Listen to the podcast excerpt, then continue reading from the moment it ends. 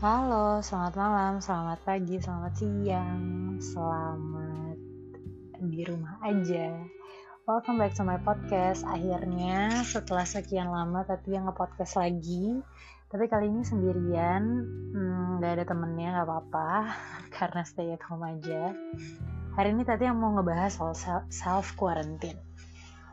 Dan kayaknya orang-orang tuh lagi pada stres banget ya soal self quarantine. Jadi banyak sih kejadian kejadian-kejadian lucu yang mungkin jadi kelihatan aslinya ketika self quarantine. Ada yang marah, ada yang stres banget, ada yang juga stres menghadapi anak-anaknya lama banget gak ketemu anak terus tiba-tiba kayak 24 hour lo sama anak lo sama suami lo gitu dan ada juga yang mendadak jadi chef, ada juga yang mendadak jadi artis. Maksudnya kayak tiba-tiba lo buka Instagram, semua orang menjadi live Instagram. Terus banyak deh kejadian kejadian-kejadian yang kayaknya tuh hanya terjadi di self quarantine. Percaya sama gue, ketika lo bekerja work from home dan lo nanti bakal balik lagi ke normal life, itu lo akan kangen yang namanya meeting zoom sama orang percaya sama gue. Dan ketika nanti lo udah mulai kembali normal lo juga kang ada kangen yang namanya uh, konser di rumah terus habis itu live streaming everywhere terus kayak um, yang paling signifikan adalah jam-jam orang buka Instagram tuh semuanya pada live. Ya ih ngaku deh. Nah terus habis itu uh, kalau misalnya ngebahas self quarantine ada yang mikir positif ada yang mikir negatif gitu. Kalau misalnya dibawa negatif tuh rasanya kayak oh my god gue udah udah begah banget gue gila banget gue hmm, udah udah pokoknya udah udah nggak tahu lagi gitu harus ke mana karena iya gue juga nggak menyalahkan orang itu untuk selalu berpikir positif? Enggak gue juga sudah melewati hal-hal yang kayak anjir gue lagi self quarantine kayak gini malah dapet musibah kayak gini. Musibah A B C D E F G H I J K L. Dan uh, kalau misalnya ditanya tingkat stres orang kan beda-beda ya. Ada yang stres ketika dia nggak bisa ngajarin anaknya di rumah karena biasanya anaknya sekolah gitu kan dia juga kerja ada yang stres karena dia nggak bisa pulang ke rumah tapi cuma di kosan aja karena takut jadi carrier buat orang orang rumahnya. Ada juga yang stres gue nggak bisa ke mana-mana? gitu. Nah buat tipe orang yang ekstrovert kayak gue awalnya itu gue berpikir gue akan menjadi gila di rumah gitu. Tapi ternyata pas dijalanin nggak seburuk yang gue kira tapi zongnya adalah gue mengalami satu kejadian yang wah gokil sih. Itu tuh harusnya kayak jadi intinya lo stres karena akan satu masalah yang harusnya lo kalau nggak quarantine lo bisa have fun sama orang-orang gitu. Lo bisa ketemu orang banyak lo bisa have fun ngelupain masalah itu sama teman-teman lo gitu. Tapi lo mesti stay at home. Ngerasain sakitnya ngerasain traumanya lebih dalam apa segala macam. Cuman kan ternyata um, alhamdulillahnya ke distractionnya itu adalah uh, gue masih kerja alhamdulillah. Gue masih kerja terus gue masih gue gue disekelilingin sama teman-teman yang super baik. Jadi kayak nemenin gue video call main game anything else. Masak itu gue suka banget sih masak. Nah yang lucunya nih gimana kalau misalnya orang-orang yang kayak aduh gue mesti uh, still sane nih sama keadaan apa segala macam gitu. Emang sih nggak mudah dan kita semua ngerasain itu ya. Apalagi um, banyak juga yang perekonomiannya jadi turun. Semua orang jadi jualan something gitu. Nggak apa-apa bagus gitu. Jadi lebih menghargai kalau sehat itu berharga lebih menghargai ketemu orang itu berharga. Lebih menghargai alam sekitar kita tuh penting juga nih buat sehat gitu. Tapi lo pernah mikir gak sih kalau misalnya during self quarantine uh, mungkin kesehatan jiwa kita terganggu tapi kesehatan alam semesta tuh uh, berubah menjadi baik gitu. Langitnya cerah terus bumi juga udah mulai sehat gara-gara self quarantine orang-orang nggak pakai mobil nggak pakai motor. Polusi juga udah berkurang sangat banyak gitu. Tapi di sisi lain kitanya yang jadi gila. Iya kita jadi gila banget gitu. Tapi yang mudah-mudahan teman-teman di sini uh, lebih sabar lebih lebih nggak egois gitu nggak meremehkan uh, keadaan COVID-19 ini dengan kayak ya Allah COVID doang. Niat ini bukan COVID doang gitu. Terus uh, mudah-mudahan teman-teman yang lagi kesusahan apa pun itu dimudahkan. Terus yang pengen gue bahas adalah sekarang itu susah banget dan agak lebih worried ketika kita sakit. Karena ketika kita sakit itu kalau gue prinsipnya gue lebih takut ke rumah sakit di zaman sekarang karena lo bisa banget ketularan di situ. Gue lebih baik kayak ke klinik yang sepi yang jarang banget ada orang gitu. Maksudnya lo lebih bisa minimali, minimalisir um, lo terjangkit. Terus gimana ya soal orang-orang yang belanja online shop dan lain-lain? Wah kalau di rumah gue setiap ada barang-barang online shop atau apa pun yang berbau dikirimkan gitu itu gue cuci dulu cuy. Di depan di depan rumah gue tuh udah disediain uh, apa namanya sabun cuci. Kecuali makanan ya. Kalau makanan pun bungkusnya gue cuci. Jadi sebelum masuk rumah tuh udah bener-bener bersih banget dan di depan deket pintu rumah gue tuh ada selalu hand sanitizer yang gede gitu loh. Jadi udah dicuci lo tambah lap-lapin aja gitu pakai itu.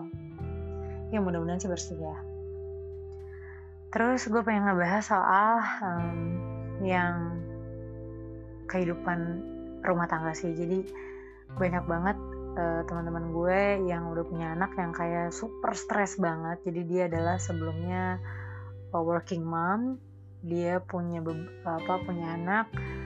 Dia tuh kayak stres banget 24 hour sama anak dan suaminya gitu. Nggak bisa dipungkiri pasti lo ada di titik ada enak banget nih gitu. Di sisi lain lo mesti kayak dapur lo ngebul terus lo juga mesti work from home yang itu tuh nggak mudah. Udah gitu lo mesti ngurusin juga anak lo yang school from home. Wah gokil sih.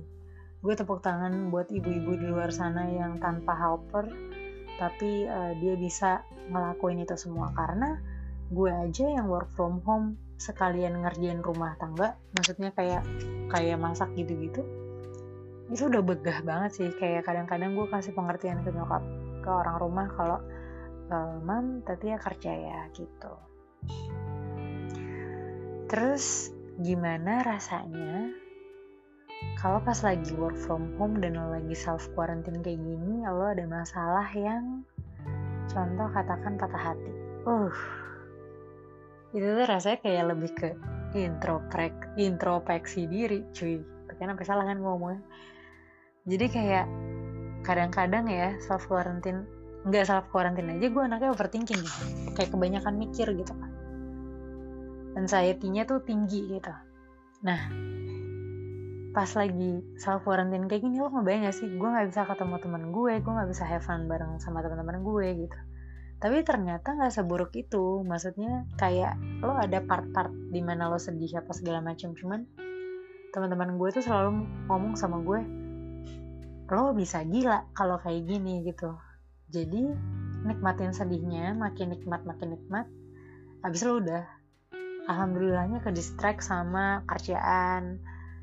Um, jujur gue sekarang lagi nonton film drakor guys. Jadi kayak lebih waras gitu dan gak tau kenapa ternyata film drakor nagih sih.